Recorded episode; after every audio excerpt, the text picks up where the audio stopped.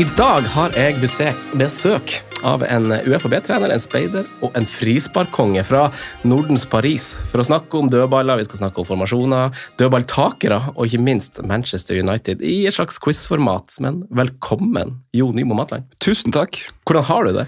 Jeg har det veldig bra. Ja, fordi du eh, er jo per i dag klubbløs. Ja, jeg, har jo, jeg, har jo egentlig lagt opp. Har du lagt opp? Jeg har bare ikke gått ut med noe sånn pompøs eh, takk for meg og takk for alt fotballen har gitt meg og sånt, men eh, det kan hende det kommer. Hvem vet. men jeg, jeg har jo trodd at du har lagt opp flere ganger, egentlig. Men så plutselig er du og spiller for Brattvåg, og så, og så er du litt sånn snartur her. Ja, det er sant. Men er det bare for at du kjeder deg og bare tenker faen, nå må jeg bare spille litt til? Nei, altså, jeg har jo alltid hatt liksom den barnslige gleden med å spille fotball. Ja. Så jeg har alltid syntes det har vært artig å gå på trening. Ja. og Sikkert derfor jeg på en måte holdt på så lenge som jeg gjorde òg. Men du har jo, altså du har jo Det virker jo som du har valgt litt klubb ut ifra hvor du har bodd, og ikke motsatt. At du, bortsett fra, du har vært en tur i Belgia, og det skal vi snakke litt om, men du har vært i Tromsø, Ålesund, og det handler jo litt om familie og nære relasjoner er også årsakene til, til klubbvalgene dine, er det ikke det? Jo da, det er jo åpenbart. Ja. Har du noen gang hatt noen sånn tilbud som du har takka nei til, som egentlig har vært Som du ser tilbake på skulle vært litt sånn Faen, skulle prøvd meg litt der. Nei, egentlig ikke, men det har liksom kommet opp noen tilbud som har passa jævlig dårlig eh, med tanke på kontrakter og sånn. Ok, for eksempel. Ehm, et halvt år etter jeg kom til OFK, så var Legia Warszawa ganske interessert. Ja. Ehm, men det var ikke aktuelt for dem å betale det OFK skulle Hvordan ha. Hvordan viser de interesse? Altså At de hadde speidere der og var i kontakt med deg? sånn? Ja, det var agenter, som, Ja. eller en agent som tok kontakt på vegne av, av Ja. klubben der. da. Jeg lurte på om jeg var interessert, og liksom signaliserte litt sånn lønnsområde, Mm. og det var jo veldig interessant. Ja, riktig. det skjønner jeg. Men eh, ja, da hadde jeg vært der i et halvt år, og vi hadde et bra lag og skulle spille e-cup, og sånt, så det var Ja. egentlig helt uaktuelt for dem å slippe meg for de summene som ble signalisert. Ja. Eh, og, og litt sammen noen år etterpå så hadde jeg skrevet da også ny kontrakt med OFK. Da hadde jeg egentlig vært litt på utkikk etter andre klubber. Eh, og da var det litt sånn interesse fra hva de heter det? DC United. DC, å, jeg- jeg dersken drømmen om USA. Ja. Så da gikk jeg jo inn til, på kontoret til min eh, daværende svigerfar og sa at nå river vi denne kontrakten i to fordi jeg skal til USA. Så det, det kan du bare glemme. Sa han det? Ja. Ja, riktig. Så Ja, eh, han satte klubben foran eh, mine ønsker. fall. ja riktig. Ja. Ble, det bitte, ble, det, ble det dårlig stemning rundt middagsbordet? da? Nei da, overhodet ikke. Tenk, tenk om du hadde endt opp i Washington, da. Veldig politisk by, egentlig, men eh, Ja, spilt i USA. Det hadde vært artig å ha på CV-en. det hadde jo vært eh, dritkult. Men, eh, men du, har, altså, du har jo vært i utlandet. Du har jo vært en tur i Belgia, men det var jo slags i gåseøynene, så blir det jo på tampen av karrieren din, så tok Mm. du en tur til Belgia. Mm. Hva, hva, hvorfor det? Nei, jeg, hadde, jeg følte meg at jeg hadde, liksom, jeg hadde spilt på alle stadionene i Norge, følte jeg. Eh, og jeg kunne jo fortsatt i OFK og hadde en, en veldig god høstsesong den høsten før jeg dro. Eh, og så hadde det vært litt sånn bråk med skriveri i avisa om at jeg var svigersønn til direktøren videre, og at jeg fikk ny kontrakt pga. det. Oi, det var det, ja. Ja da. ja. Litt drama oppe på Sunnmøre. Ja da, og det var, ikke, det var jo ikke noe særlig hyggelig, selvfølgelig, for min del. For det ble jo uh, litt sånn uh, eh, Ja, kan man si at uh, en løgn er halvveis rundt verden før sannheten får buksen på seg. Ja, ikke sant? Det er fint. Um, så det var jo en del ting der som ble skrevet som ikke stemte. Mm. Eh, men det setter seg jo Ja. når ting blir skrevet, så blir jo det en slags vedtatt sannhet. Ja. selv om Det er ikke noe hyggelig å gå i gaten i Nei, og det var ikke så hyggelig å spille heller en periode. Um, men når jeg på en måte fikk uh, Ja, når det på en måte var gått så dårlig at det ikke kunne gå noe verre, Mm. så, så snudde det og gikk veldig bra. Ja. Um, og da følte jeg meg kanskje litt sånn ferdig med, ja. med det, og følte kanskje kjedelig at jeg hadde kanskje fått den backinga fra, fra klubben og, og trenerne heller, så jeg følte kanskje litt for at ja, nå når jeg får muligheten til å prøve noe annet, Mm. som jeg jo egentlig hadde hatt lyst til helt siden jeg var liten, så, Mm. så var det en, en bra mulighet og i en, i en kul by og i en kjempekul klubb. ja, for hvordan, hvordan klubb var det? Eh, Da gikk jeg til Royal Antwerp, Ja, ikke sant? eh, som på en måte er litt sånn gammel storhet, og Ja. den eldste klubben i Belgia, og, Ja. og litt sånt. Eh, som da var på nivå to, og det her var første året med nye eiere. Mm. Så de satsa jo som bare juling og skulle røkke opp igjen. De Mm. hadde ikke vært oppe på 15 år eller noe sånt. Eh, men vi hadde fortsatt eh, utsolgt på hver eneste hjemmekamp. Hvor mange var det da? 15 000-16 000. Yes. Ja. Og på den, den gamle ståtribunen som fortsatt sto fra 1922. Ja. Så det er tre benker langs hele veien. Det var helt elektrisk, sinnssyk stemning. Jøss. Så de er jo også ganske litt sånn notorisk kjent for å ha liksom de verste hooligansene i, oh, ja, i? Belgia. Ja, Ja. Ja, opplevde du noe av det? ja, altså vi tapte to kamper på rad, og da kom de på trening og Gjorde de det? Hudremann i svarte T-skjorte og solbriller alle mann. Og... Hva gjør de da? Hva gjør de Nei, de bare sier de ifra om at det her er ikke godt nok, og vi krever mer, og, yes. og litt sånn. Hvordan inntrykk har du av sånne folk? Er det folk som er oppriktig opptatt av fotball, eller er det altså, har de gleda seg litt til at det skal gå dårlig for at jeg skal kunne gjøre det der? Kunne skremme litt og være litt tøff? Jeg tror ikke de nødvendigvis er så veldig opptatt av fotball, men de er veldig opptatt av klubben. Ja. Eh, og liksom samholdet og, eh, og alt det rundt som er viktig for dem. da. Mm. Um, og de reiste jo mannsterkt på alle bortekamper. Ja. Altså Vi spilte jo hjemmekamper på alle bortekamper, egentlig. Ja. fordi at det var litt sånn som i Obos-ligaen i Norge, at du hadde liksom 1500-2000 hjemmefans. Ja. Og så kom vi med 3000 bortesport. ja, riktig. Så, um, så det var veldig artig. Men hvordan var nivået der da, sammenligna med si, altså det akkurat det du forlot i Ålesund den gangen? da? Altså Ligaen var jo veldig, sånn, var veldig ujevn. Ja. Men eh, altså, det laget vi hadde da, eh, var jo på en måte fylt opp av eh, tidligere spillere som hadde spilt på øverste nivå. ja, Hvem var de beste spillerne på laget da? Det er nok ingen man, som noen Nei. vet av. Nei. Um, men det var jo liksom, altså problemet var jo at de hadde jo henta 25-26 spillere Ja, som alle var henta med det premisset om at de skulle spille. ja riktig. Eh, og det går jo bare så og så lenge, og så Ja. begynner det å bli dårlig stemning, iallfall hvis du har en trener som ikke helt evner å kontrollere det. Mm. Så um, vi leda jo med 10-12 poeng og rota det vekk.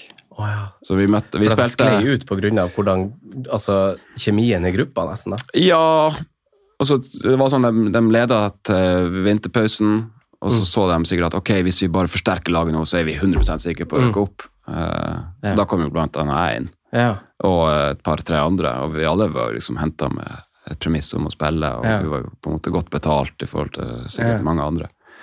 Um, så det gjorde nok litt med dynamikken i, i laget, da. Mm.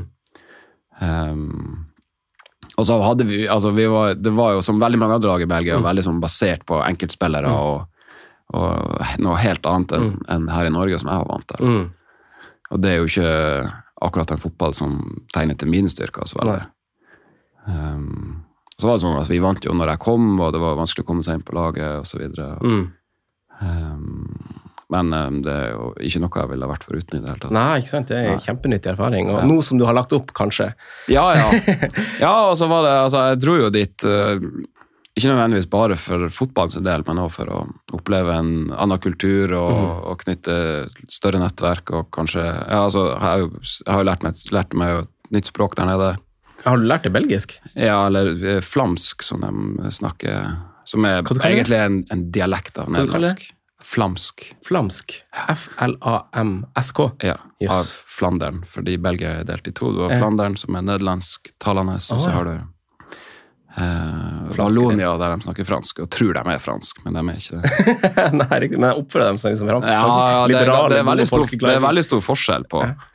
dem som er fra nord i Belgia, og dem som er fra sør.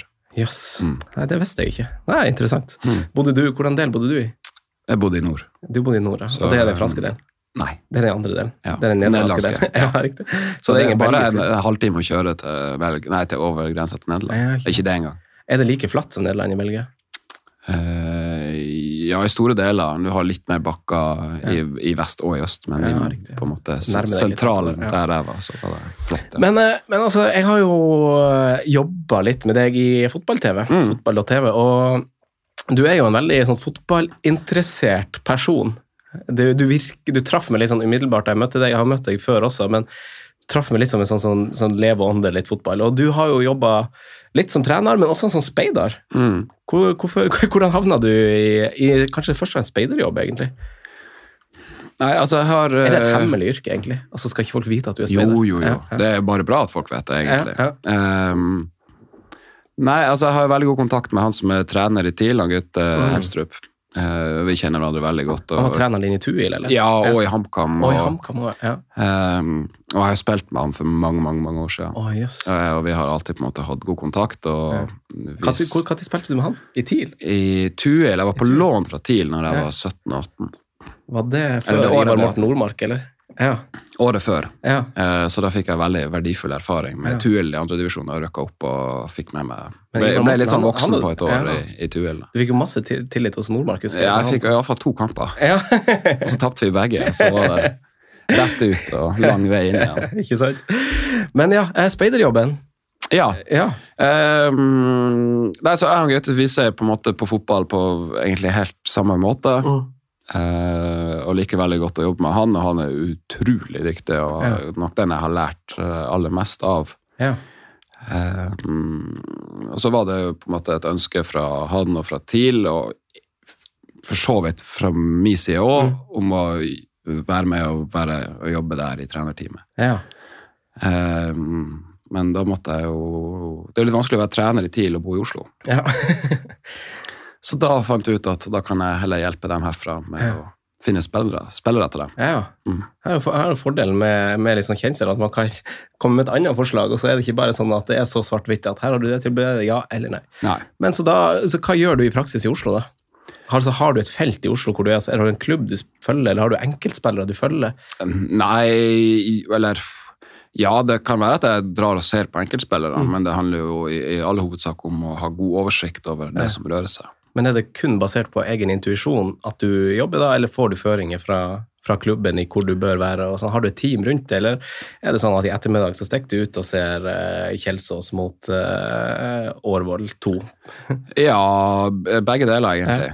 Altså, Vi har jo en, en strategi som vi jo følger, Mm. og så har vi jo på en måte kjernemarkedene som for vår del er nivå to, nivå tre i Norge. Og kanskje, håp, forhåpentligvis på sikt, så kan vi strekke det litt ut. Men uh, vi har jo ikke så mye penger at vi kan drive og hente Nei. spillere fra andre eliteserieklubber. Hva, hva ser man etter da? Hva ser du etter når du er på nivå 2 og nivå 3 i, i Norge og ser etter spillere som kan være riktig for TIL? Ja, altså, det vi er ute etter, vi er ute etter uh, spillere som tåler å trene mye. Mm. Og så er vi ute etter spillere som eh, hva de kaller det for forflytningsdyktig. Ok, hva betyr det? Nei, at de, at de tåler mange sprinter Ja. i løpet av en kamp og, og litt sånne ting. Da. ja. Og hvordan finner du ut det? Nei, man må jo bare prøve å se dem nok og, ja. og prøve å få en, en følelse på det. Mm. Og så kanskje ja, sjekke litt referanser, kanskje se dem på trening. Det kan være vel så interessant som å se spillere. Men er det lov? Kan du bare komme på trening og se? se Ja, alle stadioner i Oslo er åpne, Mm. så, så det er ikke noe problem. Dersken, det må være litt artig da, hvis du er Mm. på trener med Lyn der, og så, så sitter du på tribunen av en tilfeldighet. Mm. Stilig. Men, eh, men du snakker litt om at du og, du og Gaute ser litt øye til øye, da. Mm. Og eh, vi har tidligere snakka om at du er litt opptatt av eh, formasjoner. Og, og Eller opptatt av, men du stiller litt spørsmålstegn om det må være lov å si det sånn, fordi at eh, ofte når man ser en lagoppstilling, om det er på TV, eller ja, gjerne så er det jo på TV, eller om du hører det, så, Mm. så oppgis det jo et tall. Mm. Men du, du mener at det er mer komplekst enn bare det? Ja, i, de, i hvert fall i de aller fleste gode lag så er det sånn. Ja. Eh, det er ikke så mange lag lenger som liksom spiller god gammeldags 4-4-2 med kanter langs siden og Mm. to spisser i boksen. Det, eh, det er mye mer komplekst enn som så. Man har, altså, hvis du spiller ut bakfra, så har du kanskje én type struktur. Mm. Eh, og hvis du angriper på siste tredjedel, så har du kanskje en helt annen struktur. Ja. Eh, samme i forsvarsspill, om du forsvarer deg høyt eller lavt, så har man gjerne eh, forskjellige strukturer eh, på hvordan man setter opp. da. Ja. Eh, ofte for å hva man skal si, akkommod- akkommodere Ja. spillerne sine sterke sider. Så um, jeg tror det er en måte å spille på og jobbe på som også skaper veldig fleksible og smarte spillere. Mm. Heller enn at du, du får én rolle, og ok, når han får banen, så skal du dit. Mm. Um, for det gjør at um, hvis du går til en annen klubb, f.eks., Mm. Så vet du ikke hva du skal gjøre. Nei, nettopp. Hvordan opplever du at altså hvordan klubber opplever du at det eh, åpenbart driver en god kan, kan man kalle det en dynamisk formasjon? At det Mm. er, hvem opplever du er et godt eksempel på, en, på et lag som er god å få fram styrkene i, i enkeltspillere på bakgrunn av det? Altså, sånn Internasjonalt så er jo altså, de beste er jo de beste Ja. på det området også. Har du klubber i Norge du føler er god på det? Jeg syns jo TIL er god på det. Ja. Uh, Odd er jo veldig sånn eh, konfigurativ, som jeg liker å kalle det i Ja. NFF. Um, og Molde er veldig dyktig på det. Um, de gjør det kanskje på en litt annen måte, med mer liksom plassbytter og sånt. Hvordan det? Ja, sånn i, rett og slett i rollebytte? Ja, altså, sånn, altså de roterer litt på posisjonene ja. innad. Uh, det, det, det er veldig vanskelig å spille mot når det sitter for dem, fordi de har et høyt nivå og Mm. masse gode spillere. Og så har du litt sånn i andre enden av skalaen, så har du liksom Vålerenga, hvor de, de gjør det samme uansett hva de møter. Og, Mm. og det ser man jo nå at kan være veldig lett å analysere og, og finne mottrekk mot. da. Mm. Ja, nå, nå, eh, for nå snakker vi om Fagermo eh, akkurat nå i juni 2022, holdt jeg på å si, så, så, er- så er det et, ja, et, litt, eh, et litt lesbart enkelt Vålerenga, som iallfall vi ser på TV-en. da. Eh, men Nei, skjønner, men det er jo noe Det, jo, det er jo mer en del av moderne fotball som som har tatt Altså, Man føler stadig at ting tar nye retninger, både i enkeltspillere sine roller. Vi, jeg husker I programmet VG og du hadde i lag på fotball-TV, så snakka vi litt om keeperrollen og hvordan den er modernisert og kanskje brukes på en annerledes måte. og Det kan ses som en rekke andre posisjoner òg. At en nier er ikke lenger bare en nier, det er også en nier og en tier. og Eh, sånn skal man sammen flette det som er gruppa som best mulig fungerer i lag, og ikke at man reindyrker de posisjonene for det de er på papir. da. Ja da, altså er det, altså Du har sterke og svake sider med, med begge tilnærminger. Mm. Eh, Bodø-Glimt har jo egentlig også vært veldig sånn eh, satt. Mm. Eh, og så gjør jo de det på et, en fantastisk måte. Ja, hva det, hva det de gjør riktig, da, føler du? Eller hva de har gjort under, riktig under Nei, altså, de, de, de har på en måte kanskje de har et, et bevegelsesmønster, men så evner de også å ta gode valg ut ifra Mm. hva som fungerer, og hvilke muligheter og Mm. handlingsrom, som det heter, som, Ja. som motstanderen gir dem. Ja.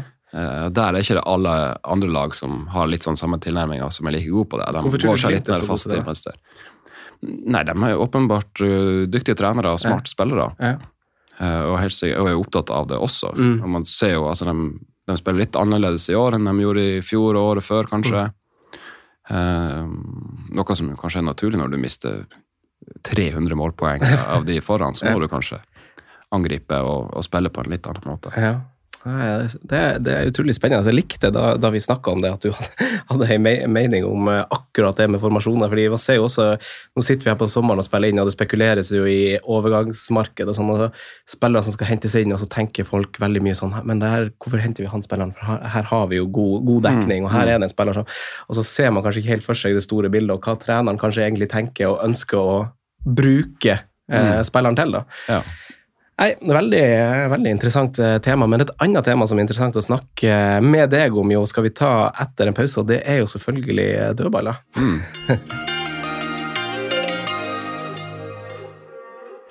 Dødballer, jo, det har jo vært eh, kanskje det du er mest kjent for, på, på mange måter. Det er venstrefoten din. Eh, før, vi, før vi går inn på lista, så vil jeg kanskje Det er jo åpenbart rom for å snakke om dødball og, og favoritter. Har du noen hva, er- hva er ditt beste dødballminne som spiller sjøl?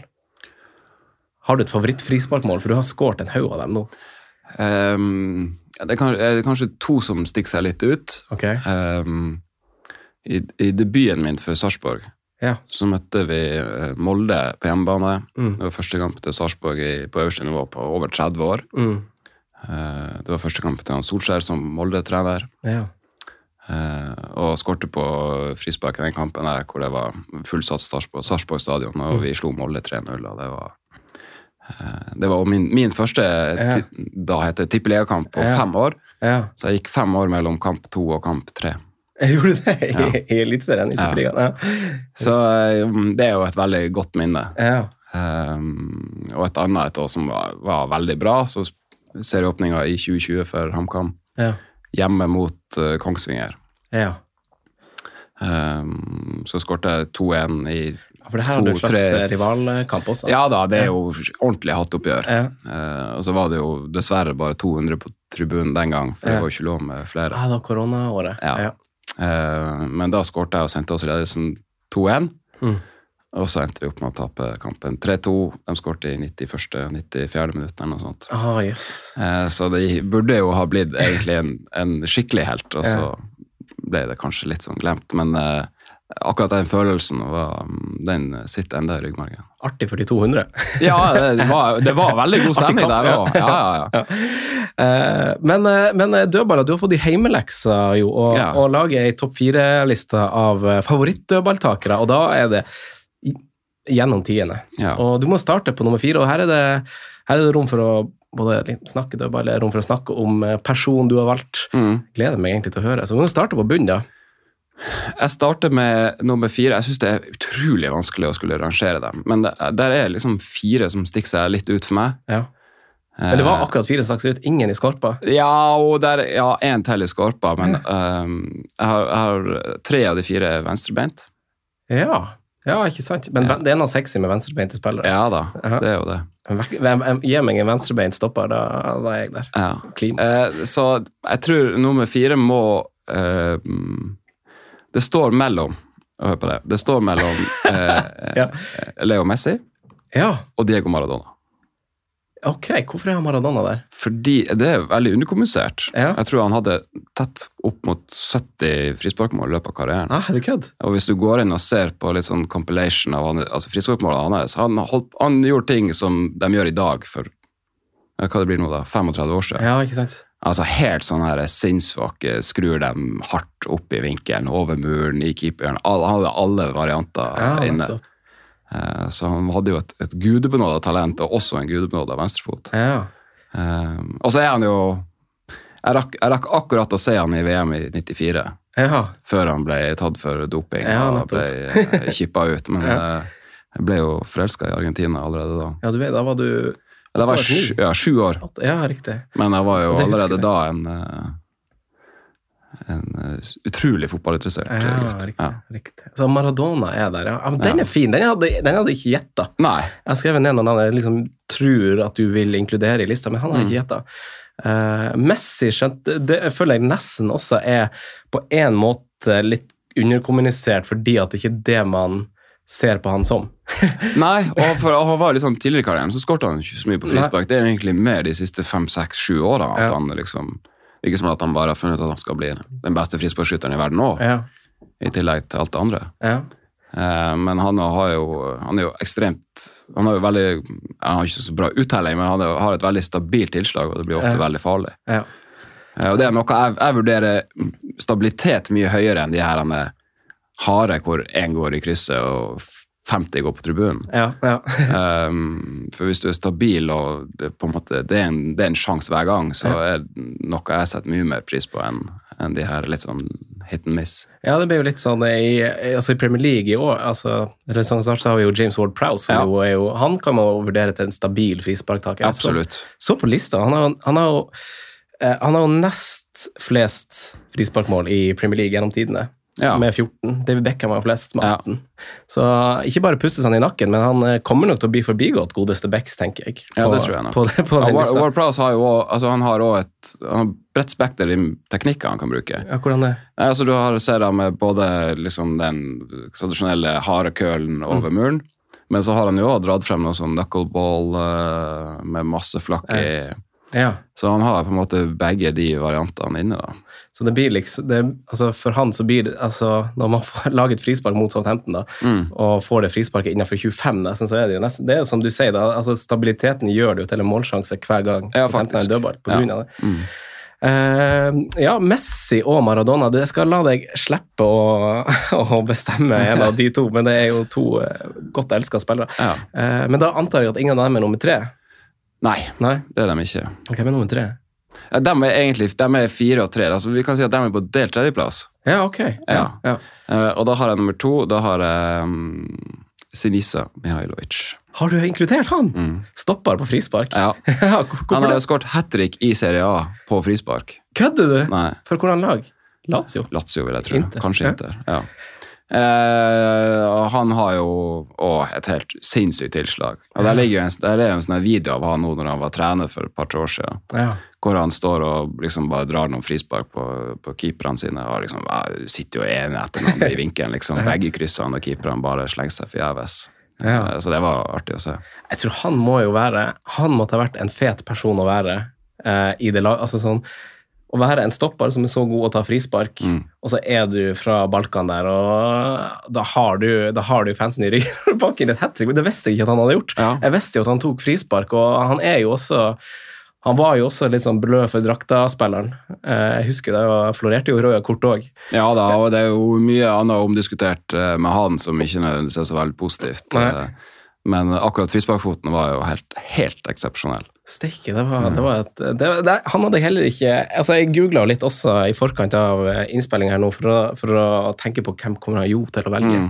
Men eh, jeg så jo navnet Mihailovic dukka opp der, og det ringte jo noen bjeller for meg, men jeg trodde ikke det skulle gjøre det for deg. Men vi er jo samme generasjon, jeg og du. Ja, Så og jeg har jo alltid på en måte vært litt glad i Serie A og Ja. fotball, så hvorfor det?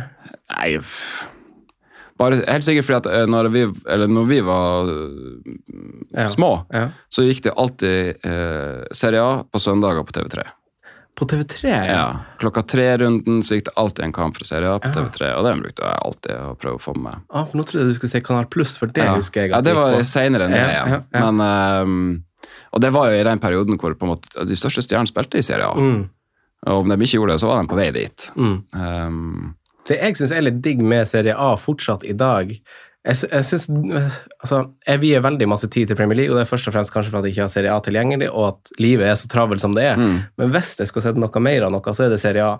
Og det er jo litt fordi at det er jo, altså En ting er at det er litt sånn kontroverser, og det er litt sånn artig, og, og greiene i Italia med hele totalpakken der, men også fordi at du får fortsatt en del av de her spillerne som bare, som bare blir i klubben fortsatt. mm. Tenk han Totti i Roma, nå, hvor, hvor rå han må være når han går i de, Mm. de Rossi òg, for den saks skyld. ja, ja. Tenk hvor eh, Altså, du får jo fortsatt noen av de historiene der. Er en, og så Samtidig så får du liksom spillere som, altså som Bonucci og Pirlo som er sånn Å ja, du gikk fra Juventus til Inter og så til Milan, så skal du bare, skal du bare Mm. dekke liksom Drit i det rivaleriet, men så er du godt likt igjen når du kommer Det er veldig sånn Jeg syns det er utrolig stor sjarm ved Serie A. Så jeg kan eh, Jeg likte jo også Lazio i mine yngre dager, men det var fordi at jeg spilte med dem på CM ja. og hadde han Crespo og han, og han Nesta, han Claudio Mm. Lopez og Mendieta han Simone på laget. Ja, Eh, så jeg husker utrolig godt Serie A fra, fra den tida der. Det var, det var stilig. Men uh, nummer én!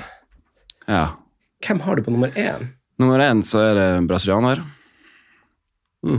ehm, som spilte på Lyon. Mest kjent for når han spilte på Ja. Lyon. Uh, Juninho Pernambucano. Ja. Um, han var jo på en måte den som fant opp det folk kaller for liksom Ronaldo-skuddet eller Ronaldo-frisparket. ja, Ja. ja. uh, og den der eh, highlight-reelen hans med frispark er jo helt sinnssyk. Oh. Og eh, for et bredt spekter av måter å skyte frispark og score Mm. på frispark på er jo bare helt vanvittig. Han har jo han har liksom skåret fra 45 meter, hvor keeperen slenger seg til ene hjørnet og ballen går Mm. i mål midt i mål. ja, ikke sant? Um, men òg liksom har han hatt denne kølen over muren, han har hatt den med strak rist i keeperhjørnet. Mm. Eh, han har skåret fra langt ute på siden, og eh, han har et helt ekstremt høyt nummer, he, Mm. eller høyt antall eh, frisparkskåringer. Ja, altså, jeg tror han er en av de som har altså I, vurderinger man kan gjøre av toppfotball i Europa, så Mm. er jo han den med flest frisparkmål. Ja, det, det tror jeg stemmer. Ja. Og da er vi tilbake på stabilitet og, Mm. og, og viktigheten av det som et våpen isolert sett. Jeg husker jo også det utrolig godt fra Lyon-tida. Eh, det også husker jeg undertøyene hans. Han hadde sånn typisk sånn fotballtruse da han Mm. feira dro av Mm. Men eh, dødball i dag, da, det virker jo som det er kommet litt sånn i medvind igjen. Eh, og jeg ser jo han altså han dødballtreneren til ikke bare, altså, Nå tenker jeg kanskje først og fremst på cornerer og, og, og bruken av liksom, muligheten altså Du har en gratis mulighet til å løfte ballen inn i motstanderens felt. Mm. så det virker som det er litt fokus på det. Og han der som er i Arsenal nå, han Nicolas Hoever, eller Joever, han er fransk, jeg er litt us, ut, Mm. ut, usikker på uttalen der, men var i Brentford, i City og nå i Arsenal. Og så ser man på sesongene hvor han har terpa dødball på lagene, at de slår jo eh, rekorder på de statistikkene, på det å slippe inn lite mål, men samtidig det å skåre mål. Eh, hva tror du, hva tror du altså hvordan er, hvordan, Jeg er usikker på hvordan jeg skal formulere spørsmålet riktig, Mm. men viktigheten av en dødball, hvis du tar, tar det spørsmålet åpent Altså, jeg, Er det litt undervurdert? fotball-? Ja, altså fotball som er så lavtskårende idrett, Ja. eh, så blir jo verdien av en skåring så sinnssykt stor, da. Mm. Eh, Så det er jo, altså hvis du har snitta på la oss si ti cornermål i løpet av en sesong. Mm. Bare et nummer jeg bare hiver ut. Ja. Uh, hvis du klarer å uppe det til 15, Mm. så er det 50 økning bare der. Mm. Uh, og Det kan jo bety at du vinner tre kamper mer Mm.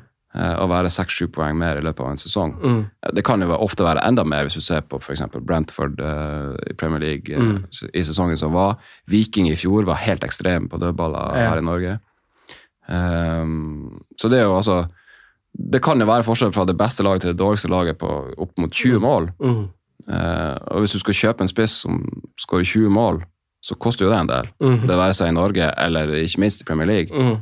Um, og han spissen du kjøper for en halv milliard, han kan jo bli skada. Mm. Men hvis du har en god dødballkultur og en dødballtrener som, som lager god oppsett, og ei spillergruppe som, som kjøper budskapet, Mm. så, så er du man en trussel uansett om du har folk som er skada eller ikke.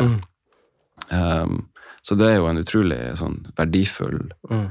måte å kunne skåre mål på. Mm. Det, det virker jo som altså, det, altså Åpenbart så er det jo det, men det virker jo som altså Fotballen der den er kommet i dag, så Man vil jo alltid forbedre visse områder. Vi var inne på formasjon tidligere og dødball nå. Eh, og ting og keeperplassen, ting som har vært ganske lost i veldig mange år, ser man etter hvordan kan man få mest ut av den situasjonen, den situasjonen, den spillerplassen. Eh, jeg føler at vi når et slags sånn peak på hva altså, Hva mer kan man bli liksom bedre på? Altså Man kan jo alltid bli bedre på de tingene, men sånn, jeg syns mange av de tingene som vi har vært inne på nå, har jo vært altså Det er jo slags sånn revolusjonerende i forhold til hvordan jeg og du i hvert fall vokste opp Mm. med fotball. Mm. Nei, altså, jeg tror at sånn, altså, økt databruk, analysebruk eh, du har jo, altså, De største klubbene har jo liksom egne datadepartments som, som håndterer alle sånne mulige ting. Mm. Som analyserer på en måte hva er det viktigste, hva er det som gjør oss mest verdi, hva bør vi fokusere på i treningsarbeidet osv. Så, videre. um, så det kan jo godt hende at det kommer til et slags sånn metningspunkt, men eh, da, kommer det jo, da kommer man jo til å identifisere andre Mm. Aspekt ved spillet som, som kommer til å sikkert bli utforska og testa ut nye ting med. Mm. Og jeg tror at det, altså eksempel bruk av keeper Mm.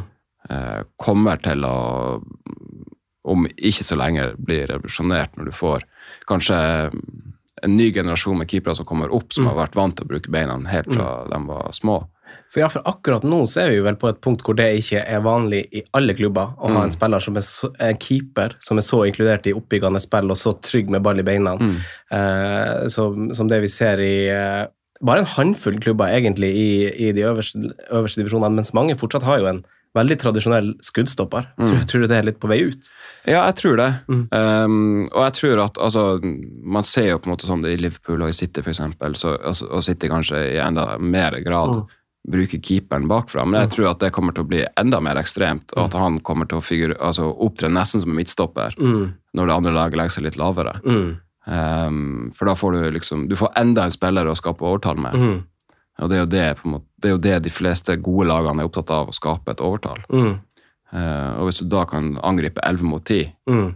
Eh, så er jo det en stor fordel. Og Mm. du, du er faktisk en, ja, Raufoss, eksempel, i Obos-ligaen, har brukt keeperen sin Oi. veldig høyt. Altså Ja. Han har stått ute på 45-50 meter Ja.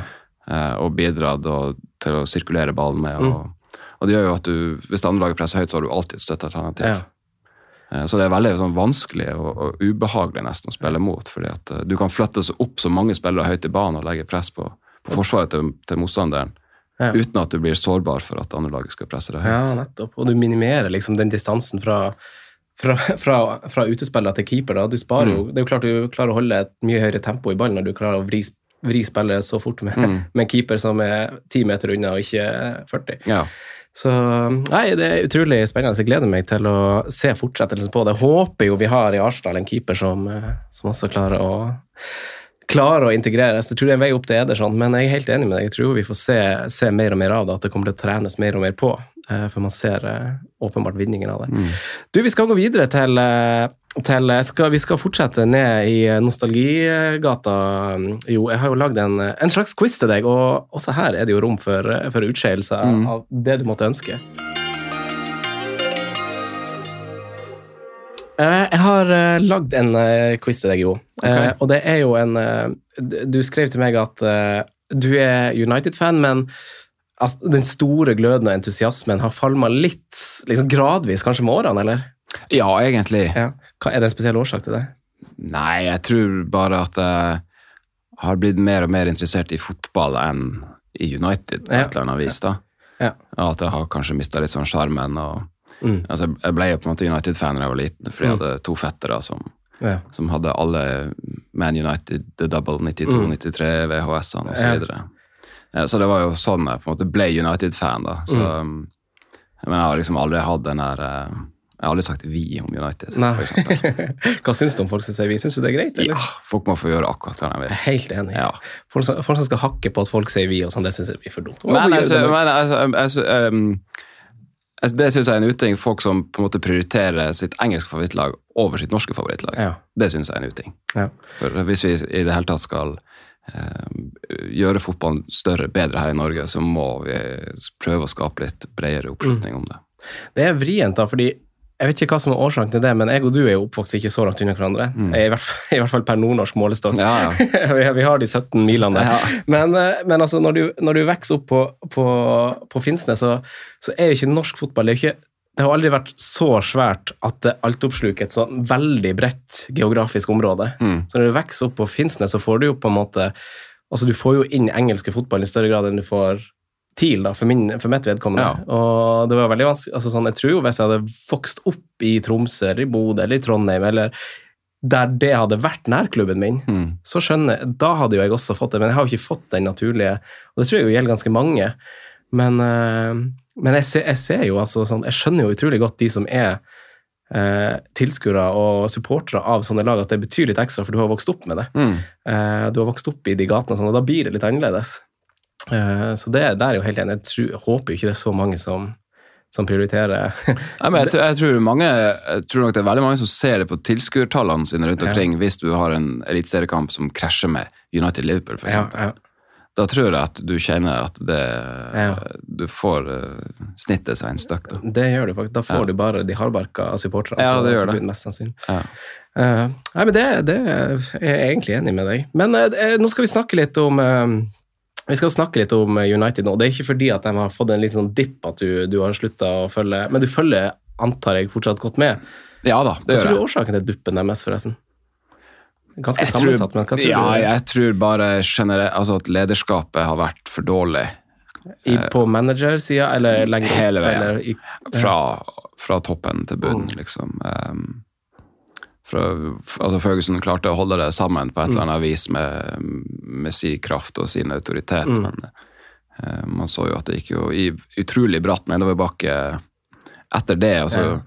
Det er jo litt sånn interessant øvelse å se eh, alle de spillerne som eh, dro fra United når Ferguson var der. mm, Det var ingen som ble bedre. Eh, og det sier jo litt om måte, den, ja, den karismaen og, Mm. kunnskapen som han satt med, og fikk det beste ut av absolutt Mm. alle. Det er mulig vi kommer litt tilbake til det i, i, eh, i, i quizen min til deg, jo. At det, at det kommer til å passe seg å snakke litt om, om gruppedynamikk og Mm. kanskje viktighet av det i, i fotball òg. Men, eh, men fra denne episoden slippes eh, jo, så har jeg formulert dette spørsmålet heretter.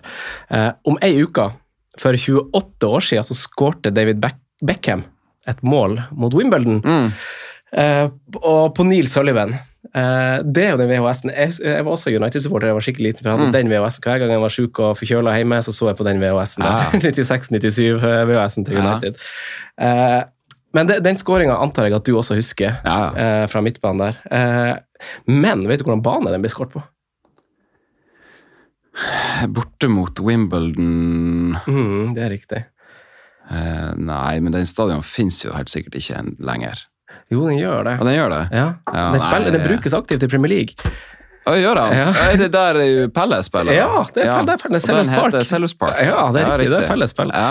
Eh, jeg tok- det med fordi eh, AFC Wimbledon rykka ned fra League One nå. Det, Ja, ok. det er jo litt trist. Ja. Og Milton Keanes tapte jo sin, eh, sin playoff, og det er jo på en måte en gledens dag for oss som, som vil ha det gamle Wimbledon opp igjen. Men uh, den ble brukt, altså det har alltid vært Pelleseid, men den har blitt brukt av Charlton og Wimbledon fram Ja, til ok. 2003. Så um, likte du han Beckham? Ja, han må ha vært et slags idol for deg Ja, da du var ja, herregud. Og han var jo, Du sikkert, han treffer var jo som en Beckham-fyr. han var jo den som var nærmest å havne liksom på, Oh. inne på lista, for han hadde jo et helt sinnssykt uh, tilslag. Og der kan vi snakke stabilitet. Ja, det kan vi faktisk. For han hadde jo en sånn ekstremt stabil teknikk, både på dødball, men også på, på rullende ball. Mm. Ja. Så, Men ja, Vi sa at det var litt sånn underkommunisert, det med Maradona og Messi, men det er det motsatte av han Beckham. For jeg føler at han har jo dratt på seg ganske masse oppmerksomhet for personene han er utafor banen òg. mm, Og at ja, han var god på dødball og var i Madrid bare fordi at han var kjent og skulle dra litt penger og sånn, men han var jo faktisk skikkelig god å skyte frispark.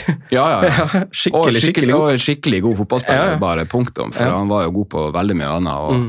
Ekstrem arbeidskapasitet og, og smartness og, og selvfølgelig presisjon. Ja. Kan drive med noe. Eier han fortsatt en klubb nede i USA der? Han gjør det, han Ja, ja. Startet en ny klubb i Miami. Inter Miami og Ja. sikkert driver sikkert med masse annet. Og så driver han og reklamerer for Qatar, og det, Ja, det gjør han faen meg òg. det kan han spare seg for, tenker. Ja, jeg. han har nok penger. Trenger Ja. ikke det der. Nei, jeg er helt enig. Ja. Eh, men i, i 1908 1998, Mm. 1999, eh, tiårets siste, siste sesong, vant jo United the Treble. Mm. Eh, sammen med Dwight York, som ble toppskårer og da signert i forkant av den sesongen, så ble det jo signert en annen spiller som skulle vise seg å være jævla god eh, for United, og var ikke der så himla lenge. Eh, vet du hvem det kan være? Det tror jeg du vet. I 98-99 Det er ikke Teddy Sheringham, Nei. for han erstatta Cantona. Mm. Eh, da må jeg bare tenke gjennom lag litt. Schmeichel i mål, han var jo der lenge. Neville Ronny Johnsen hadde vært der. det var ei eh, rekordsignering i den posisjonen for, eh, for United da han ble henta. Også ei rekordsignering da han ble solgt, henta jeg fra United.no, forresten. Altså, da, ja. I den posisjonen, altså i det leddet. Ja, så det må jo være en forsvarsspiller. Ja, en forsvarsspiller. Vi, er- vi er jo ikke på David May. Nei. Det, nei. Han her gikk jo til serien du eh, liker veldig godt. Å ja, ja, Japp Stam, selvfølgelig! Stam, ja. ja, ja, ja, ja, ja. Han gikk jo til Lazio, og det var ganske masse kontroverser rundt han. Han ble jo dopingtatt da han Ja. var i Lazio, så klart. Og, Det, I perioden var det mange som ble dopingtatt. Han, Edgar Davids. Frank de Boer. Ja, da var han i Nederland. Ja, et eller annet, og alle ble tatt for en sånn- litt sånn steroidegreier. Så det Ja, kan være at de eh, plutselig hadde utvikla noen nye dopingtester. Altså. Fire-fem måneder ute. Ja. da. Men Japp Stam, ja, for han var jo altså Han ble jo solgt fra United av Ferguson. Han har jo uttrykt i ettertid at han angra, Hmm. men han ble jo solgt eh, han ble jo solgt, han spilte jo var bare der i tre sesonger. Mm. Og Ferguson, altså for det var jo litt sånn, det kom litt brått på, for han starta jo sesongen i United og spilte et par kamper og gikk til Lazio. og og Ferguson sa jo han solgte han jo fordi at han hadde et sånn pågående ankelproblem. eller noe sånt. Han spilte bare 15 kamper eller noe sånt sesongen før. Ja. Eh, men så har det jo kommet fram i ettertid at han angrer jo veldig på, på det. Og Mm. Japp Stam har jo uttrykt at han tror at han ble solgt på bakgrunn av en biografi han skrev. At Ferguson de henta han fra PSV uten å ha samtykka ordentlig, holdt jeg på å si. Ja, okay. Så, så det var noe sånt greier der. Men uh, Japp Stam, ja, jeg husker han var bra. Eh, han er jo eh, trener i Cincinnati nå, Cincinnati Å ja. i, i USA. Han har Ja, også vært speider for United i Sør-Amerika. Ja, det har jeg sett, faktisk. kanskje du følger hans fotspor og tar på deg en speiderjobb i Sør-Amerika for United? Det hadde vært artig. Det kunne jeg tenkt meg. mm. Legge inn en søknad. Fy faen. Hva, altså, hva tror du man gjør da? Da bor man i, i Sør-Amerika. Ja, det vil jeg tro. I hvert fall i store perioder. Du pendler liksom ikke Nei, men de har jo de har ekstremt uh, kompakte og intensive sesonger der borte. Så det er ikke sikkert at du trenger å bo der hele året. Men Nei, eh, riktig. Men du vil vel kanskje bo Det spørs litt hvor i Sør-Amerika. jeg tipper United har flere speidere i Sør-Amerika. Sikkert noen som følger med på aldersbestemt og, Ja, og i toppligaen. Steike, hvordan får man seg en sånn jobb? Får man seg en, altså det må jo være drømmejobben for mange som er fotballinteressert, å være en speider og altså se på talent og, være, og reise. Nei, det er jo, jeg håper å si, som i alle andre bransjer, det handler vel om nettverk. Steak. Så må du jo ha litt jeg håper å si, rulleblad å slå i bordet med. Mm. Nei, det, det har jo du. Kanskje du blir speider for United? Jeg, er jeg har jo ikke henta noen spillere ennå, så, så det gjenstår å se. Har du noen spillere som du følger ekstra tett per i dag? Eh, Ja, Ja. det har vi. Ja. Jøss, det er artig. Ehm, En, eh, en forsvarsspiller nå, vi, eh, nå skal du få et hint allerede med en gang. Nå er vi inne på det vi avslutta forrige segment med. Men en forsvarsspiller som nå er 41, gjorde sin debut, debut, debut i ligacupen den samme sesongen som, eh, som vi akkurat snakka om. Mm. Da gjorde han sin debut. Han la opp nøyaktig 20 år senere, etter å ha tilbrakt sitt siste profesjonelle åndedrag da han spilte ett minutt i seriens siste kamp for Reading mot Birmingham-sesongen. Da, da blir det jo eh, 2018-2019, da. Ja. Eh, han har jo spilt masse i United. Vet du hvordan spiller det kan være som fikk sin debut av Ferguson i 99? Avslutta eh, i eh, 2019 for Reading. Da spilte han ett minutt. Først, først så tenkte jeg John O'Shea, men jeg tror det ikke det Er det det? Det er helt riktig. Jeg tenkte jeg, sto mellom han eller han West Brown. Ja, riktig. riktig. Og skulle inn på Sunderland der og sånn. Ja. Ja, riktig. Nei, John jeg, var, jeg, var, jeg var alltid glad i West Brown. Syns han var en sinnssykt god spiller, men han var jo så mye skada. Ja, det var det jeg skulle si. For han, var, for han var, hadde liksom hurtigheter og sånn òg, Mm. husker jeg. Han var sånn fysisk skikkelig god. Da var Ja. han skadefri. Ja. Men altså, apropos John O'Shea, for det er vi tilbake på Ferguson og hvordan han klarte å forme et lag og grupper. Mm. Og du ser hvordan arvtakerne kanskje ikke klarte å ivareta de samme resultatene, åpenbart, på tross av å ha mange av de samme spillerne, i hvert fall i kort tid etterpå. Men John O'Shea han, han sto i mål mot, mot Tottenham. Ja, han redda en én mot én mot uh, enten Robbie Keane eller Berbatov, husker jeg. Ja. Men de spilte i hvert fall på topp i den kampen. De hadde jo allerede vunnet den, men uh, han, sto, han ble også brukt altså, han ble jo brukt sentral midtbane, husker jeg, i en periode. Mm. Og det er jo en posisjon som vi i dag, og også den gang, skrek etter at faen, United må signere en sentral midtbane snart. Mm. Altså, men det funka jo. Hvorfor, gjorde, altså, hvorfor funka det med John O'Shea på midten? og hva, hva altså, Hvorfor fikk Ferguson sånne ting til å funke? Jeg tror han, han, For han gjorde jo en del sånne der trekk. Jeg tror det var bare for å kanskje balansere opp laget sitt, at, at resten av laget var litt for, for fremtungt. Og så tenkte han at ja, ja, men jeg bruker en forsvarsspiller eh, på midten her. og og den, den kampen som United slo Arsenal 8-2, eller Ja. hva det var, så det var jo liksom sju forsvarsspillere fra start. og, og sånt, Så jeg hadde jo en helt egen evne til å kanskje se litt sånne ting da, som Mm. kanskje ikke andre helt så. Mm.